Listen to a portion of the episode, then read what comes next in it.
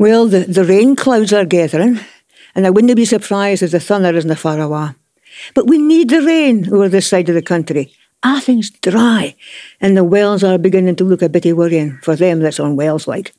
Water's aye at the hairst of survival, and sometimes we hear much, and other times near enough. I'm noticing a lot of the plants and shrubs in the garden are looking, well, sair command, just like a lot of us these days. Now, the kitchen garden is struggling as well. We take a, a lot of our plants for granted these days. Do we ken that folk went through to bring them here to our gardens? Well, that's going to be our focus on this summer episode. In this year of stories, we have stories of the Scottish plant hunters. Dave Mitchell is going to lead us into their lives and adventures. Some we can about, oh, others may come as a new addition. And Professor Gary West joins us again with another insight into our heritage and folklore, connected to plants in some way. And just to keep in the summer mood, our cook Claire Patterson joins us to give us a few of our favourite summer recipes. Maybe barbecue somehow? So as we listen to the magical music of Old Blind Dogs for their new album Knucklehead Circus, come with me into our virtual nooks and crannies for another episode. I'm Frida Morrison. Welcome to Scots Radio.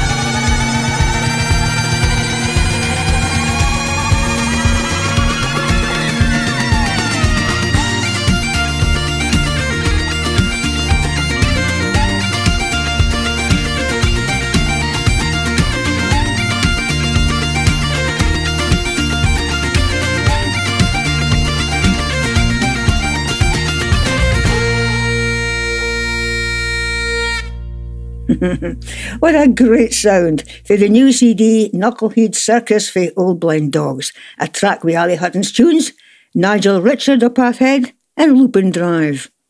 Now let me introduce the team for this episode of Scots Radio in Edinburgh in his B&B studio.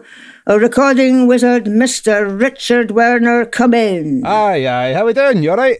I'm fine. I'm just fine. Bro. I'm just listening to that, that amazing, amazing sound. That I lovely, really love that. What a cracking track. Yeah, it was Isn't that good? In? in the same studio, enjoying the ambience, welcome musician, singer, writer, and esteemed ethnologist, Professor Gary West. Hello, Gary. Hello, Frida. How you doing? You well? Oh, I'm fine. Aye. Treating you well. Is he is looking after you? Yeah. Aye, all good, all good. Aye, well, aye, the scones are missing again. Oh, no. I hate to say it. Uh, I've, I thought I smelt them when I came in, but no, no sign. But maybe he's just keeping them warm for, for a wee bit later. Oh, but, uh, standards are dropping.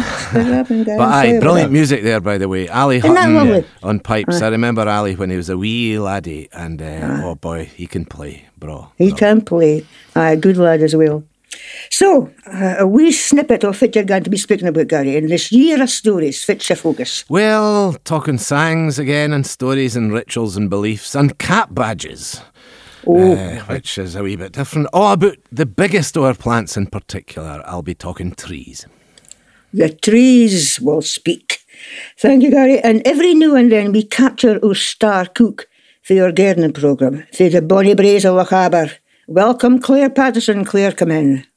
Hiya, Frida. How's it going? Oh, fine, fine. Are you in the middle of rain or sun? Oh, aye. like- Oh, aye. Wettest place in Scotland, I swear, honestly. but we're um, it's like autumn today. It's it's grey. It's windy. It's rainy. a typical summer in Scotland. Typical summer in the west, anyway. Uh, I'm, I'm going to try and f- folks' minds off the weather and speak about summer salad days. And uh, Claire, give an idea of what you're going to tempt us with this time round.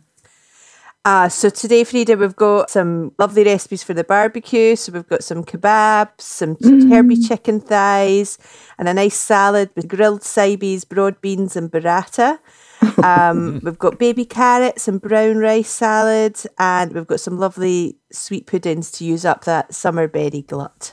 Oh boy, look forward to that. Forward Never mind scones. I want some of that.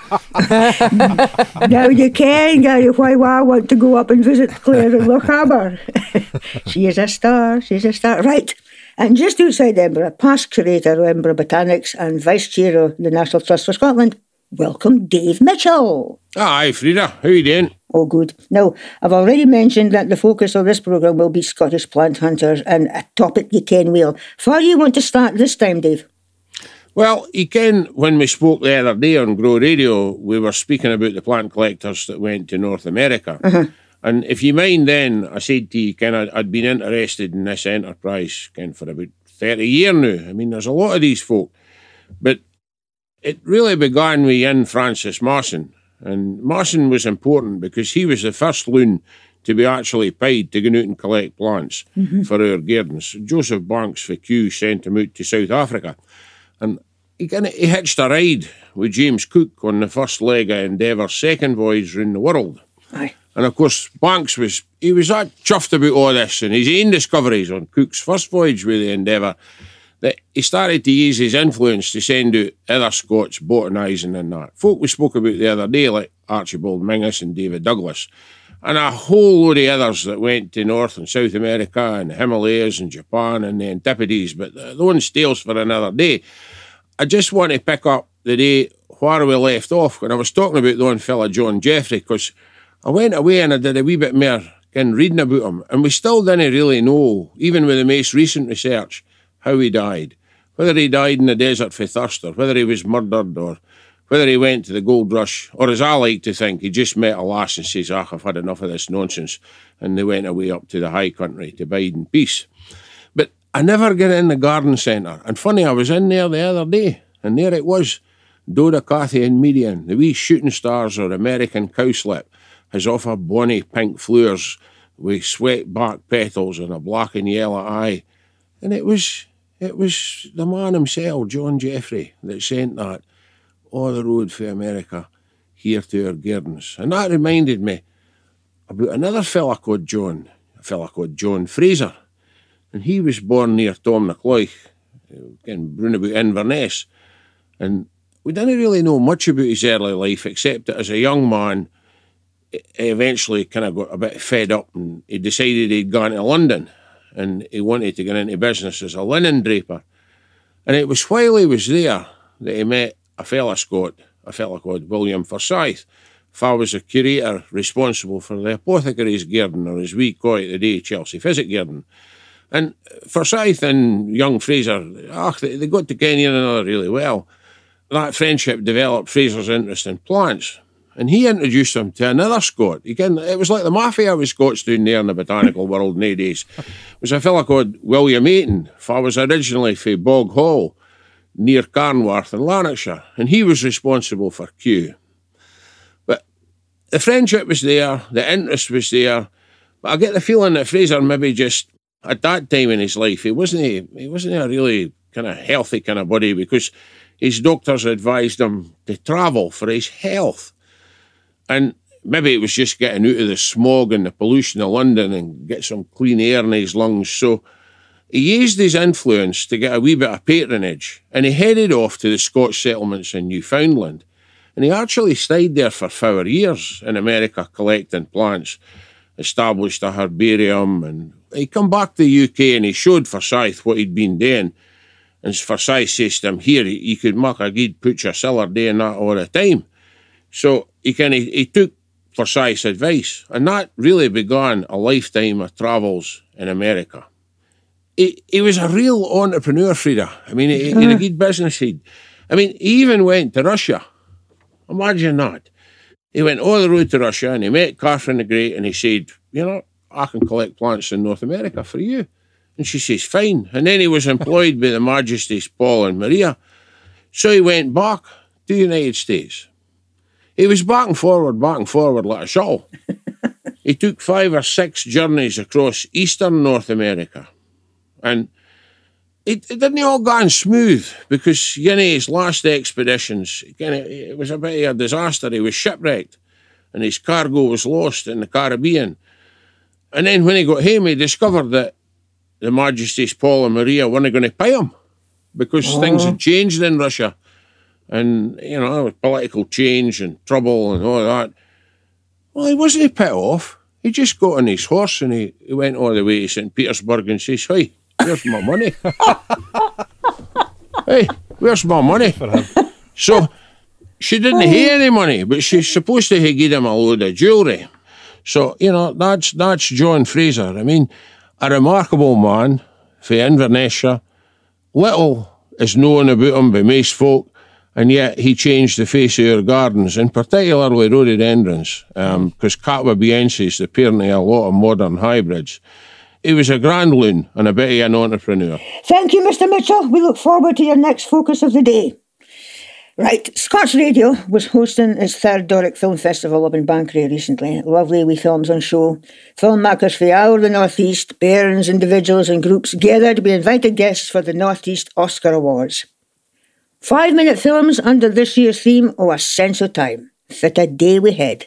And you can see the winning films and the shortlisters by following a link on our Scots Radio website or go straight to the Doric Film Festival website. It's on www.doricfilmfestival.com or www.scotsradio.com.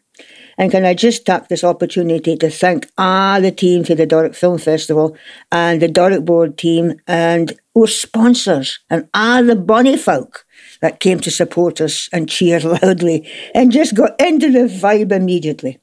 And of course, let me say congratulations to all the filmmakers. Against all the odds, you made it!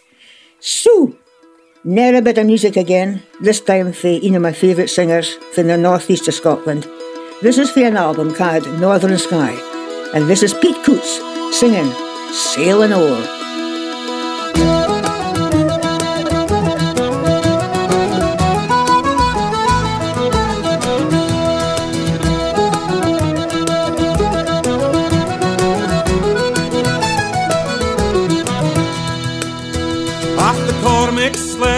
The fife he's leaving hame Fae the refuge the chained hands made.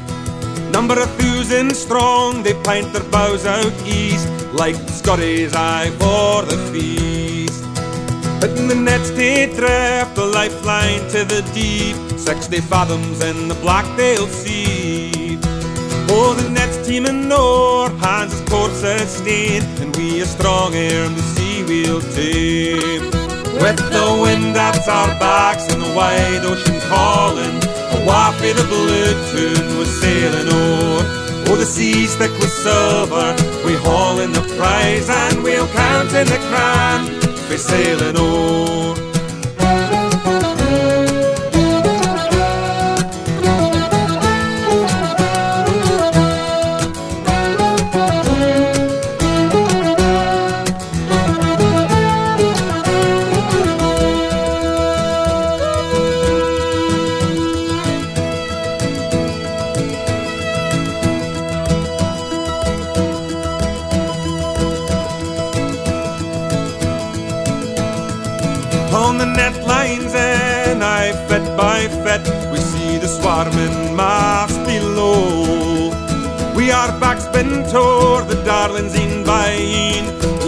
And 'em baskets low. With the wind at our backs and the wide ocean calling, a waft of blue tune we're sailing o'er. Oh, the sea's thick with silver, we haul in the prize and we'll count in the crown, We're sailing o'er.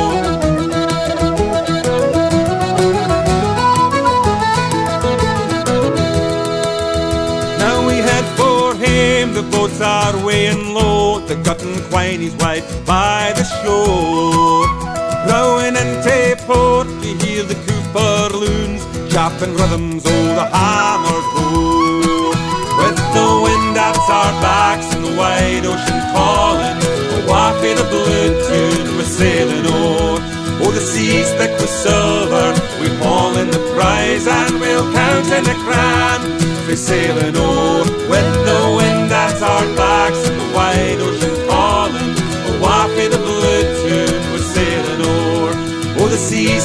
thick with silver, we haul in the prize and we'll count in the crown, we're sailing o'er.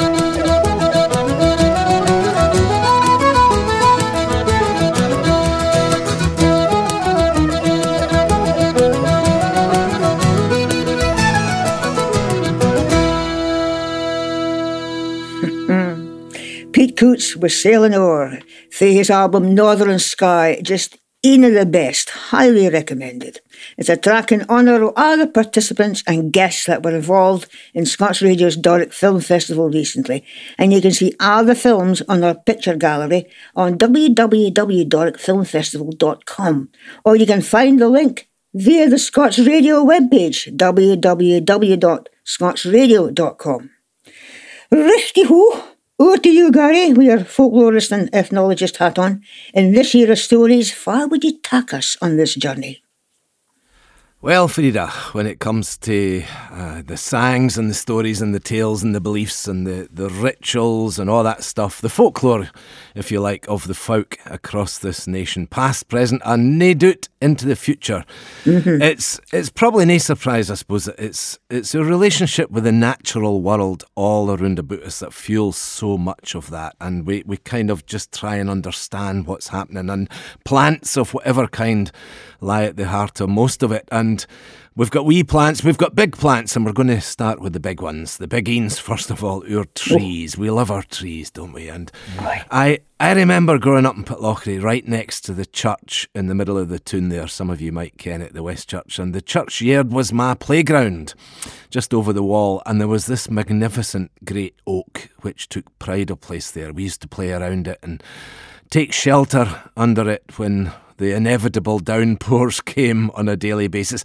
except 1976 when I was 10 and there was no rain. Do you remember 1976? Never rained at all. But anyway, one day, just about then it must have been, a couple of vans arrived with a squad of men and the whole place was cordoned off and that unmistakable whine of the chainsaws got fired up and they brought it down. Oh. And it was, I guess it must have been unsafe or something, I don't know. But exciting as it was for a wee laddie to see this, when it was doing and lying dead across the ground, I remember. I don't know, it was just an overwhelming sadness. We'd lost our tree, and I, I kind of had this this, I don't know, I just, I was mourning this tree that I'd played. And I remember they sliced bits of it up, bit of the trunk, and gave it out to the locals as some kind of memento mori, I guess it was. And there was a bit in our garage for years. Maybe it's still there. I must ask my folks. But, but anyway, that's from early in my life. That's my sort of personal tree story, mm-hmm. and it was a sad one. But Folk have been telling stories about trees for, for centuries, for millennia, no doubt. And I think we bestow, and I, I, don't know. I maybe realised this when I was when I was witnessing this, and maybe that was one of the reasons why I was so sad. We bestow a certain wisdom on our trees, don't we? After all, they've witnessed an awful lot more of the comings and goings of life around them than we, any one of us, ever has. They just stand there. They're just minding their own business, year upon year, decade upon decade, century upon century, in some cases, bearing silent witness, I suppose and they ken it all. They ken all our secrets and our mistakes mm-hmm. and our triumphs. And I suppose that's maybe one reason why we kind of revere them, maybe slightly fear them at times, because they, they ken where the skeletons are buried, if you like.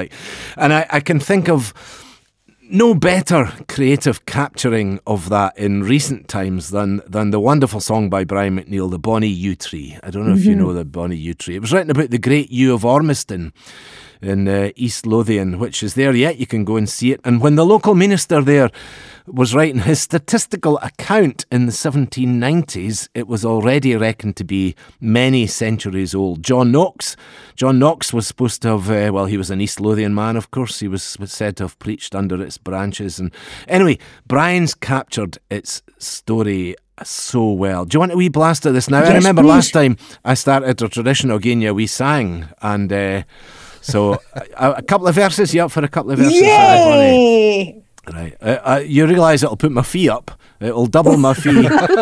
it'll double my fee to two scones. Two scones.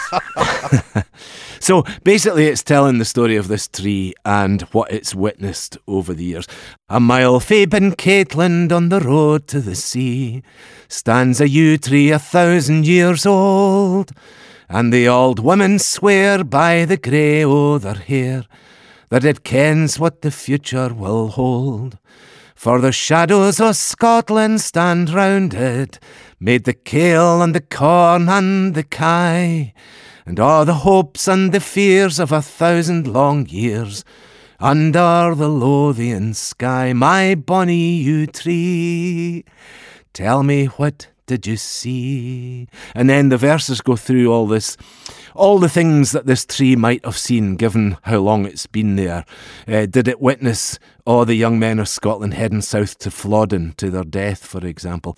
Did you look through the haze o' the lang summer days to the south and the far English border?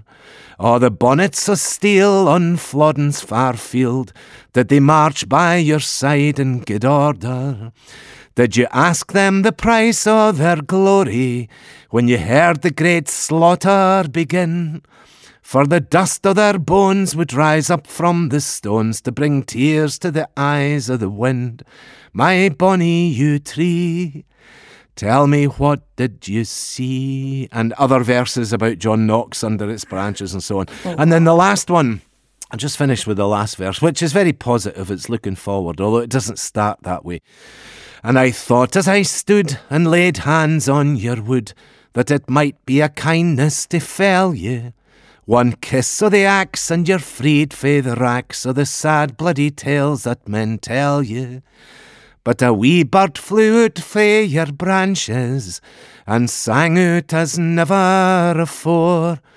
And the words o' the sang were a thousand years lang and to learn them's a lang thousand more. My bonny yew tree, tell me what can you see? So it's still living, of course. It's still oh. at it. It's still recording everything we do down oh. through the years.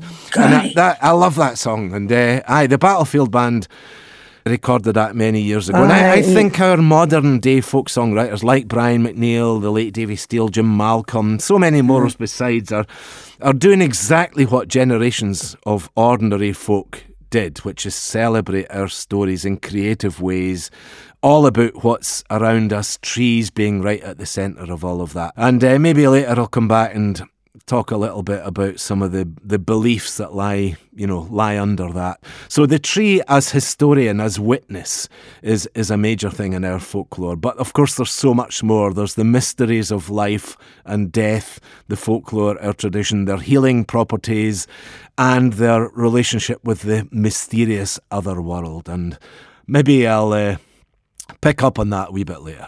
Oh, Gary Kennis, that's what do you think? Four scones worth. At That's least, at the definitely very least.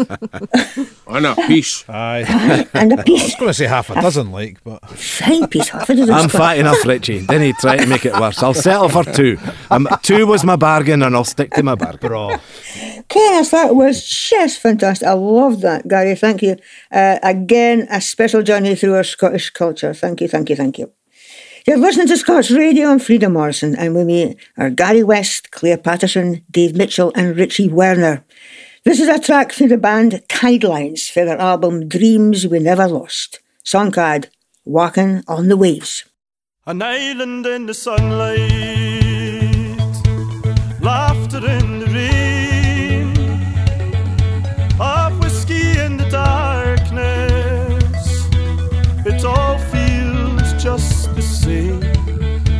Watch the sunset over Heinisch, see the twilight merge to dawn. Hear the waves caress the shoreline as the island carries on. I've been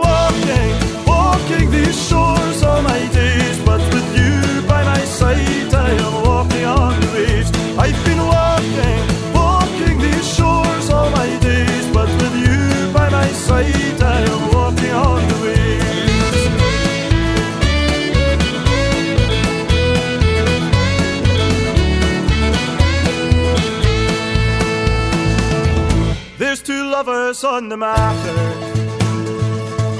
and they walk down to the sand. Their silhouettes are on the water as they paddle hand in hand, and it's a game of sweet surrender when there's nothing left to say, and there are once these days are long away. I've been walking, walking these shores all my days, but with you by my side, I am walking on the waves. I've been walking, walking these shores all my days, but with you by my side,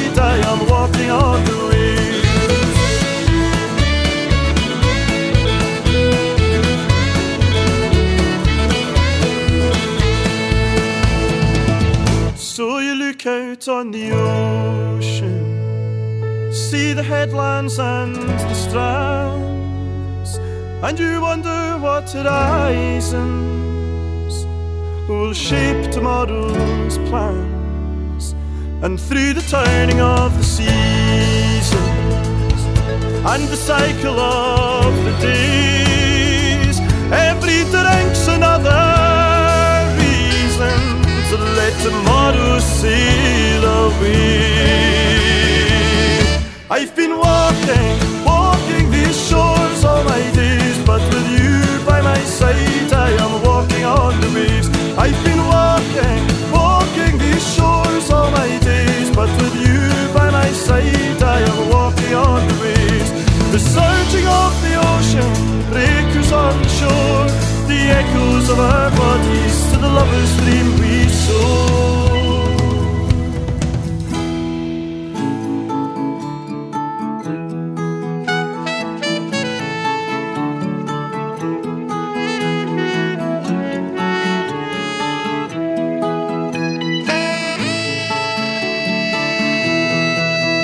I've been walking, walking these shores all my days, but with you by my side,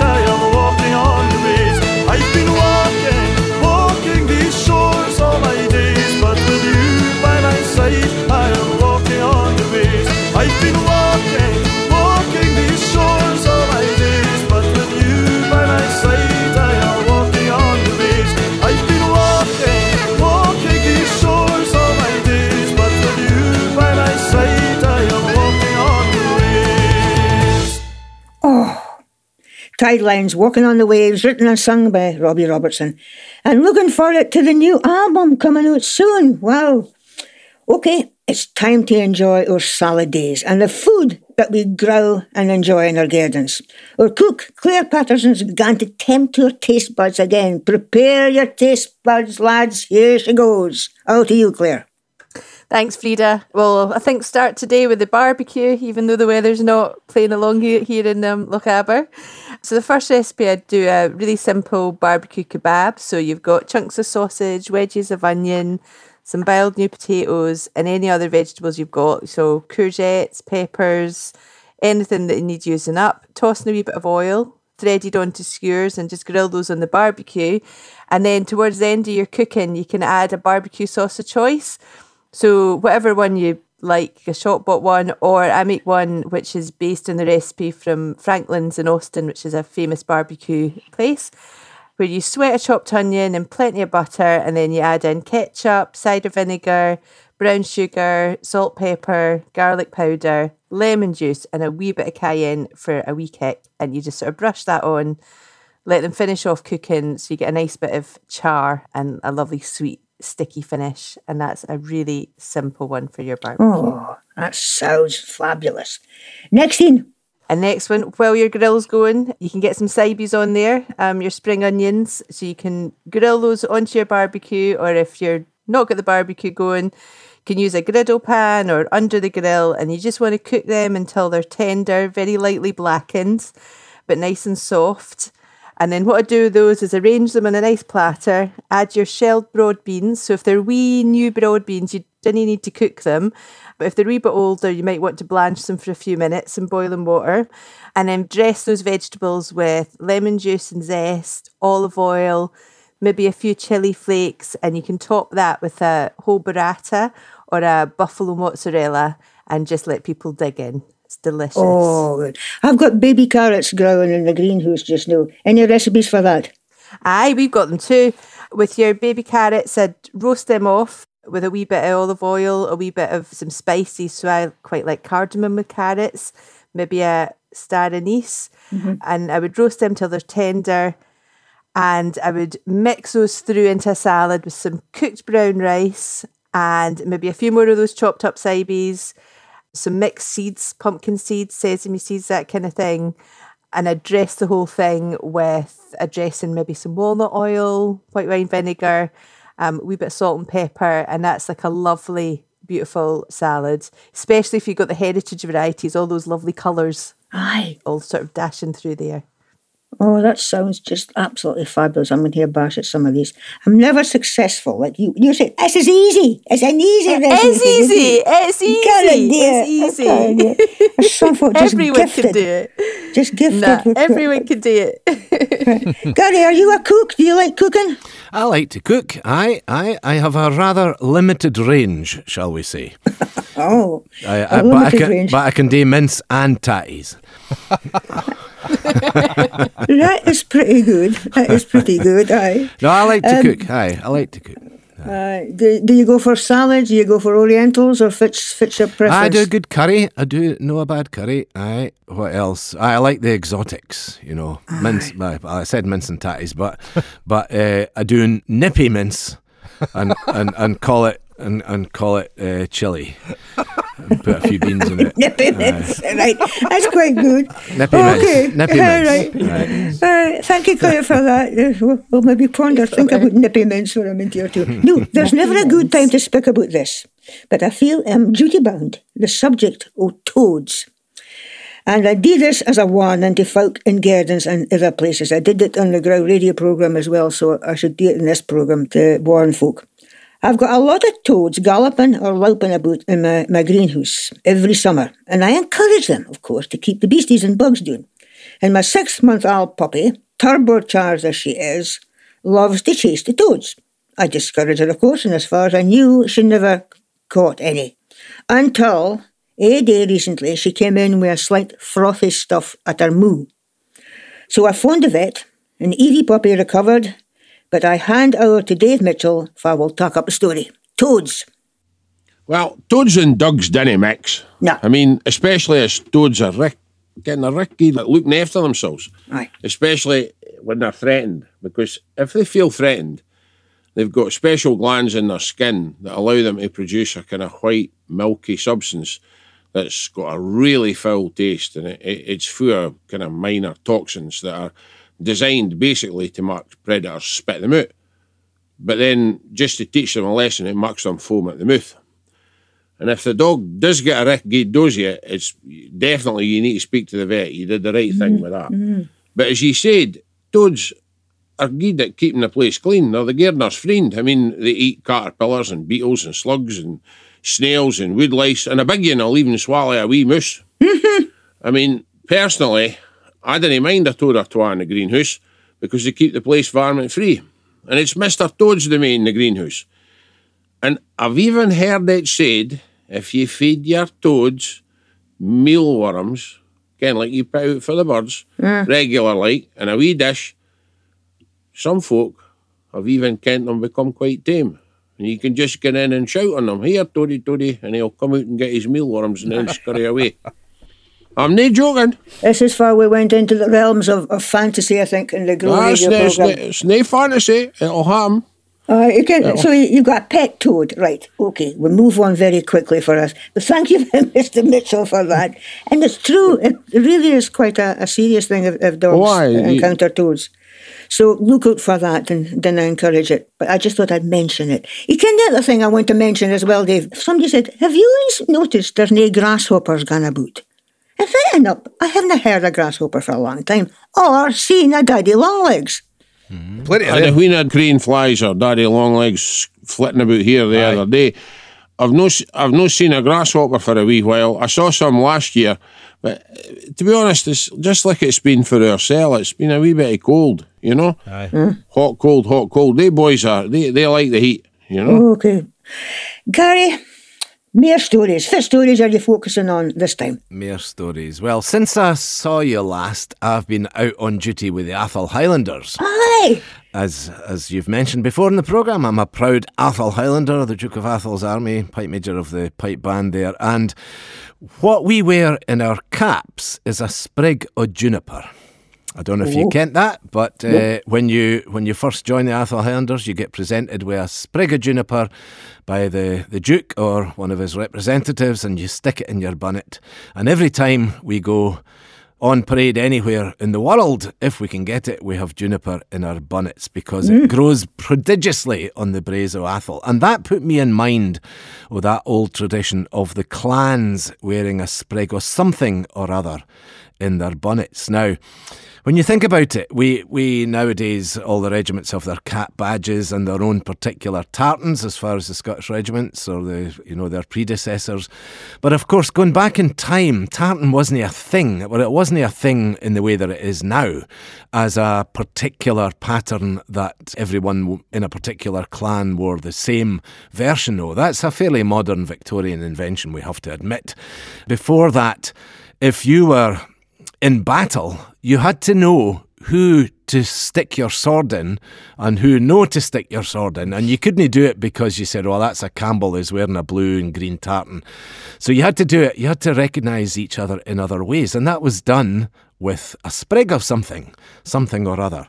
And it's quite a fascinating background to all of that. Of course, General Stewart of Garth, who wrote quite a lot about life in the Highlands way back then, he said, I'm just quoting from one of his books here called Highlanders. He said, These marks of distinction were composed of a tuft of heath or pine or such plant as would not fade or cast the leaf.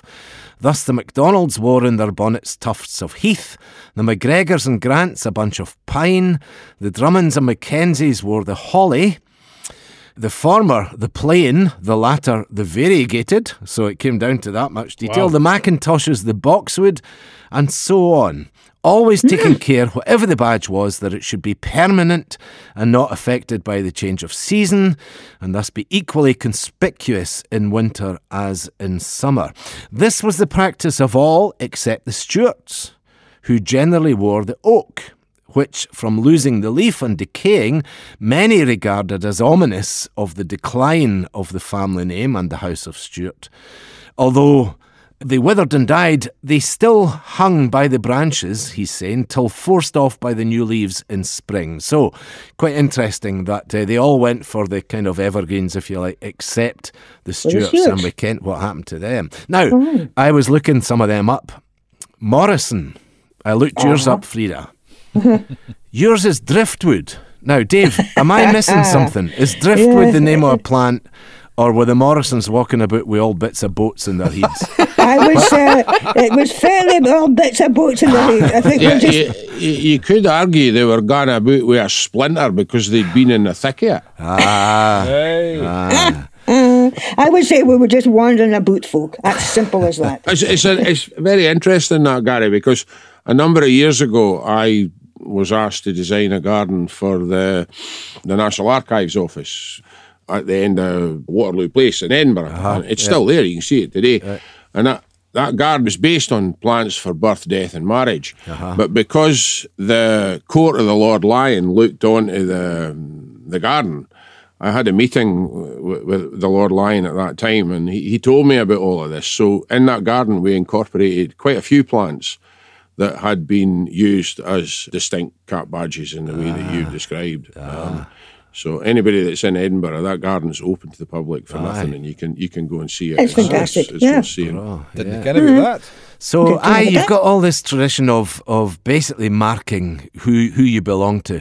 I suppose that's been taken to its extreme in the wee village of South Queensferry, and I th- you, you might ken what I'm about to talk about. The Burryman, the Burryman Oh, the Burryman, Festival. huh? Now it's coming up uh, next month. I think it's the second Friday, always in August, thereabouts, middle August. Do you care about the Burryman tradition? But Mm-hmm. whether you do or not, I'm going to tell you. So, and just finish off with this. So, it's a fascinating tradition. It doesn't look awfully comfy. So, basically, what happens? A man from always a man. Well, I th- actually, I found some records from the past where it wasn't men, but it seems to have become mainly men these days. They dress themselves up in this suit of burrs. Now, the burrs are for the burdock plant, two different species that grow locally, I believe. And whoever's in it, entombed in this complete suit of the, the basically the seed head, the burrs from this plant, they're entombed for a good nine or ten hours. So I'm thinking it's not only the prerequisite for the job that you have to have been born in the town, which is true, you have to have a bladder for the job. I was just That's- thinking aye. that nine hours, Yeah, aye. aye, you have to have a good bladder. And the Burryman's supposed to collect the burrs himself, but apparently you need about 11 or 12,000 of these things. So I think they can probably be forgiven if they get a wee hand or two to help them collect all these seed heads to make this costume. And if you haven't been to see it, it's well worth seeing. Now, what's it all about? Because this Burryman is the epitome of, I suppose, of nature. He's going around head to toe in plants. And it's, well, it's almost certainly about fertility, it's about rebirth, but also about protection. And so many of our traditions that involve plants or trees or anything for that matter is about the desire to protect ourselves, to protect our families, to protect our communities, our livelihoods. And there's a psychological protection there as well as a kind of physical one. And it's about demonstrating community and belonging. The Burryman walks all around the tune of South Queensferry. It's that kind of perambulation that's so common in so many traditions, whether it's the common ridings of the borders or the many fire festivals we have up and down the country. It's reminding folk not just of the boundaries of their communities, but also the common purpose, the belonging within the community. So it's not just saying who we aren't, it's saying who we are and being together as a group. And it's a very powerful symbol, and it's often the plant life that's used in this way, in a very overt way, to make that connection with other people and with nature. And I could go on and on and on for hours about all these different traditions that involve some or other of these these plants. Fascinating, fascinating thing of how people in the past, in the present, and no doubt into the future make sense of their world. Wow, Gary, that was stunning again. Thank you very much for that. Uh, Just an insight into different parts of our culture, different parts of our heritage that, you know, we just didn't know about. And it's all there, all there to find out more about. And I was just thinking about the plants and the caps that, of course, with the, the, the Atholl Highlanders mentioned there, you've often played with the, the Lonach Highlanders and they have the mm-hmm. broom Yeah. you know, in their caps. That's their symbol. Right. A lovely, lovely thing that, that is. Thank you again. This is another for Northern Sky and Pete Coutts singing in his native Northeast Scots or Doric in honour of our Doric Film Festival that we had the pleasure of producing just recently. This is Pete Coutts and the song Casting the Peat. If there the thaw, you're up at the crack. Bros in my belly, bull and stump on my back. And down through the den and then o'er the high street. And on to back hill to get cast in the peat. Well, I'm courting lass, but I'm empty in pocket. Pied by the chain, so it's best I get yocket. But there's time for a laugh with the folks that I meet.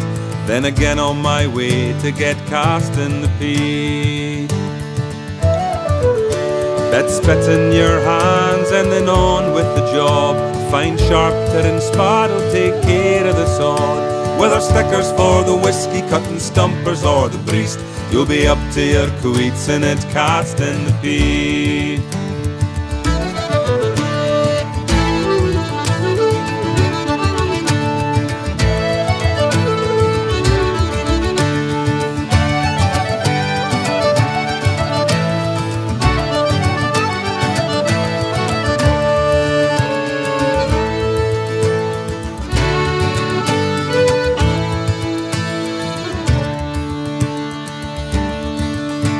Get rowing that barra, 16 stumpers at a time. There's seven to the rickle, 66 yards to the chine. And a supple calteef in your first feels the need. Cause the grafters guide you when you're casting the peat. Be lousing, I'm fooling, and the wrench be the rain.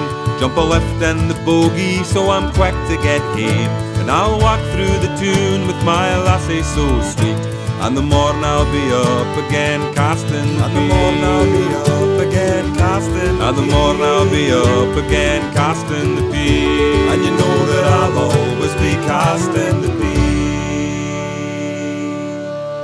Oh, Pete Coutts for his album Northern Sky song called Casting the Peat. Pete, of course, comes for New Pitsligo or Newpus Sliggy. Acres of peatland around that area. And uh, I just, I just casting my mind back on the traditions of peat casting and peat gathering. And I'll tell a wee story very quickly about my association with George Beasley, a famous sculptor from Atlanta, Georgia, comes across every summer. And George said, I'm doing an exhibition uh, about peat and I've got to gather some implements and take photographs of them and do sketches of them. And he actually made a, a beautiful, almost a frieze of a side of peat, the face of a peat bog that had been cut and it was with, with plaster cast. It was beautifully made, and he painted it and he shipped it back to Atlanta, Georgia, and put on this wonderful exhibition. And I, I took George to meet a, a, very famous singer called Gordon Easton at that time, and Gordon had a wee crafty just on the side of Mormond Hill. And of course, George was going in about sheds and looking for all the implements, and I was speaking to Gordon about the songs, and we were singing back and forth, songs back and forth. And I recorded the conversation in a wee, that wee session with Gordon. And I gave it to George to take it back to his, for his exhibition. So George put this on a loop that was heard as folk went through in the gallery in Atlanta, Georgia, looking at uh, the peat bogs, different things, and heard me and, and Gordon speaking to each other. And folk came up to George saying, I love the exhibition, but we can't quite work out what's the connection between the, the North American natives speaking in their native language and the, and the exhibition? I take that as a compliment, I, th- Frida. I think that's a compliment, definitely. So, time again for another delve into a history of the plant hunters. Dave Mitchell, over to you. Aye, Frida, I want to take a look at two more fellas. We did a lot to develop our gardens and what we grow, but there's two folk that most folk probably have never heard of or you know, didn't ken aught about. The first of them is a fella called John Lyon. He was born in Galogie, um, ken, up in Forfar area. And at that time, that was the main area for flax production in Scotland. And we didn't ken an awful lot about his early life or what took him to America, other than like a lot of folk at that time. He probably just went to try and get a better quality of life, to seek his fortune. But he arrived there in 1796. And we know at that point he'd done quite well for himself because he was working in a big garden in Philadelphia for a fella called William Hamilton.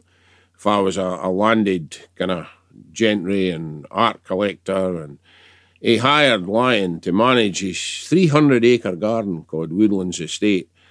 And, you know, at that time it was reported to be the finest collection of exotic and native plants in the whole of America, with some 10,000 different kinds. And from 1799 onwards, Lyon travelled out across the Allegheny Mountains in western Pennsylvania and all over the southeast of the United States. And, you know, kind of over a 15 year period, he did about 10 plant collecting trips. He went as far south as Florida and as far west as Nashville, Tennessee. But he, he mainly focused in that western North Carolina area. He kept a marvellous journal, and I just managed in the last month or two to get a reproduction of that that was published in the Transactions of the American Philosophical Society in May 1963. And it's fascinating, especially the early years where he goes into a lot of detail. He often stayed with people that he knew. He was obviously well received. And today, the original journal is actually in the main society library in Philadelphia he did in his lifetime. He never wrote much other than the journal, but he did publish two catalogues when he came to live in England for a wee while to organise the sale of his plants. And other folk had a lot of respect for him because he, he was described as a gentleman through whose industry and skill more new and rare American plants were introduced into Europe than through any other channel. And today we have about 31 North American plants in our British gardens that thanks to him. But like a lot of the plant collectors, he took ill. He got some kind of bilious fever and he, he died in 1814. And, you know, he, he's buried in Asheville. But when I see things like Pieris floribunda, that flowers in the spring with them lovely, delicate white heather like flowers, it reminds me of John Lyon because he introduced it. And the other thing is that wee pink flowered bleeding heart, the rough bleeding heart, Dicentra eximia. You see it all over the place, but folk wouldn't think about where it came from or who introduced it. And the other end I wanted to just mention is a fella that was born in Angus, in, in, in about the Mearns, a fella called Thomas Drummond. He was born in 1793. He was a brother of another fella called James Drummond. I was born in Hawthornden in Midlothian. And James, just for a minute briefly, he went away to Western Australia and he introduced the Swan River daisy along with a load of other wonderful plants. But that's a story about that man. He really was a tenacious collector. But we're focusing on North America. Now, Thomas must have been an overgeed loon because he took over the Doon Hillock nursery for a fella called George Don after George died, and his sons were too young to carry on the business. And then, don't he ended up working for Sir John Franklin on Franklin's second land expedition to Canada. And at that time, somehow or another, he ended up with boxes of David Douglas's specimens. And he saved them by changing the papers. Now, Douglas was a wee bit niggled about this to begin with because he, he didn't like other folk seeing what he was doing. But then eventually he found out that Drummond had done him a good turn. And the, oh, 20 years later, the two men met and they enjoyed in this company for a few days and exchanged ideas and things. And then Drummond come back and he ended up working in Belfast, in Belfast Botanic Garden. And I don't know, he took it into his head to go and back plant collecting. And he, he got sponsorship for Glasgow Botanic Garden and Edinburgh Botanic Garden, as well as a wheen of private folk. And he went off to New York and he arrived there in 1832 and he went out over New Orleans and out to Louisiana and oh, he, had a, he had an awful hard time. I mean, he only got paid two pounds for every hundred plants he collected. so, but he caught cholera and it took him a long time to recover. He nearly starved twice in his life because things were so difficult. He got ulcers in his legs and he never seemed to get fed up. He just he believed life would get better. And that's a good thing to hear. And he collected plants and birds and snakes and shells and seeds and okay, sent all that stuff back. But okay, he had big ideas too because he was awful fortunate at Yen Point. He was going to join a survey party that was heading into the interior of the United States. And as it turned out, everybody in that survey party was killed by Native Americans. Hmm. And he just missed that by a few days because he didn't join. And he went off on his own. Went to Texas and he was going he applied for a land grant and he was going to come home and get his family and go back to settle in Texas. But sadly, he kind of came home via Cuba and he ended up taken ill. And a few months later, Dr. Hooker, back in the UK, just got three boxes with no plants, with scant possessions kind of in it, and just a letter from Havana saying, here's his death certificate. And that was it. And we don't know what happened to him. So every time I go and look at a hanging basket, or I go around the garden centre and I see that wee Drummond's phlox, Phlox Drummondii, that bears his name, or I see the blazing star with its big yellow flowers. It used to be called Bartonia aurea. For some reason, it's now called Mentzelia lindleyi. I, it's just big blazing star. Those two common annuals that we see in our gardens, year in, year out, they were collected by Thomas Drummond, a hard-working, modest, brave man who just wanted to better himself and better his family, but met the adversity that life sometimes chooses to throw at folk. But if you enjoyed listening to this bit about the collectors, there's more to be heard again on our last episode of Grow Radio, and we'll be talking there about Archibald Menzies and David Douglas and John Jeffrey. You know, The adventures they had. I mean, that they were daring do's. all of them, they lived rich, fulfilling, challenging lives, and they left something behind them that has changed and impacted on our lives. And I mean, we could just as easily be talking about folk that went to Australia or New Zealand or South America or Japan or China, but they're, they're all stories for another day. Another day, Dave, another day. Thank you, Mr. Mitchell. And we finish this episode, just for a change, thinking about eating things and food. Amongst the salad days and barbecues, it gives me great pleasure to risk Richie's rumbling tummy again, and we listen with Fox's son and salad. Fit else would be wint. Fit else would Mark Ewings think of the perfect summer day, guys. Gary, fits this perfect summer day for you. Perfect summer day. Are we talking food or are Aye, we talking well, laz- lazing about? But I well, I think I've got a new perfect day. Having heard of these barbecue recipes earlier for Claire, I think Aye. that sounds awfully nice. But I, lazing in the garden, a wee drink of something, and uh, a nice barbecued bit of oh I don't know, bit of bit of beef. Yeah, Aye, Richie Oh, Fitzuri, oh. fit your You summer can't, you can't overlook all the above, but with uh, a nice bit of Italian antipasti as well. You know, in with your salad. And I tell you what, I can't wait to try that barbecue sauce that Claire had earlier as well. That was a Oh, my good one, goodness. Claire. That was a good one. David, fits your perfect summer day.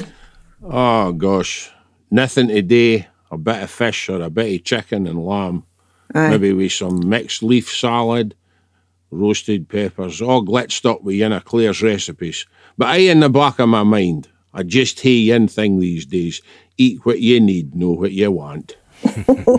Oh my goodness me, that's far too disciplined for me, I think. Espe- especially at a Barbie, because none can be naughty. Oh gosh, But it doesn't need to be. It can be healthy. And I've noticed a lot of what Claire's telling you has been awful healthy. Very healthy. Claire, I look to you, be healthy. Well, I'm I'm I, I'm going to disappoint you there. Oh, good. I like to. I like to be disappointed. We all need to be naughty now and again. We've done the healthy. Now it's for the naughty. It's um it's all about berries now. The lovely summer berries. So I've got lemon posset with basil and raspberries. You pop a few raspberries between maybe half a dozen serving glasses. And then you combine a pint of double cream, no healthy, um, five ounces of castor sugar, the zest of two lemons, and a couple of sprigs of basil. You bring that up to a boil. You boil it for three minutes, set a timer, and then take it off the heat and add the juice from the two lemons. Strain it through a sieve and then divide that into your serving dishes, and that'll set the lemon juice. It's a really old fashioned pudding, this one. The lemon sets the cream into like a lovely, dense, beautifully flavoured dessert. You can pop a few more raspberries on top of that as well before you serve it. So Yep. And then my other one is great with any kind of berries, which is a pistachio shortbread. Mm. You toast your pistachio nuts, chop them up, put a few to the side, and then the remaining maybe four ounces of nuts with the same amount of butter, castor sugar, and plain flour. Mix it all together into a dough, and then shape it into a log and roll it in those reserved nuts. Chill it till it's nice and firm, and then slice it into centimetre slices and bake it for maybe 10 to 12 minutes at 170, just until it stops being sticky. It'll still be a little bit soft, but the dough won't be sticky and it'll just start to colour at the edges and they'll firm up and crisp up as they cool down. And that's great with whatever berries you've got in your garden and a bit of whipped cream, yogurt, that's a wee bit more healthy, frozen yogurt, vanilla ice cream, whatever's whatever takes your fancy. Right. Claire, what about finishing with a, a healthy one though? Uh, like Finish it with a healthy if you've got one up your sleeve just to just to give us a, a sort of ambition to be healthy. Yeah, I mean, we could go back. We could go back to the barbecue again. Yeah. We could go um, have a bit of chicken on the barbecue. I think the chicken thighs are the best because if you take the bone out, they're they're nice and thin, so they cook quickly. You can't overcook them. Really, it's a real a real struggle to overcook them because they've got a lot of moisture in them. Uh-huh. And you can make a really simple marinades with olive oil, whatever herbs you've got. So things like I like parsley, thyme, bit of rosemary, bit of lemon zest, lemon juice, and then having that with some lovely salad leaves that you've grown, a few of the first tomatoes or some cucumber. It's a really nice, hearty, well balanced lunch. Mm. Right. Great I'm stuff. going to pull this to a close. We've time to tie up the boat again. I'm getting hungry. And leave the wiggly waves. We leave you with Gary Innes for his album Era and the track called Loch Arkaig. On behalf of the team, Dave Mitchell, Gary West, Claire Patterson, Richie Werner, for me, Frieda Morrison, bide safe and bide well. Till the next time, are you ready, lads? Bye the new! Bye the new. Bye, the new. Bye.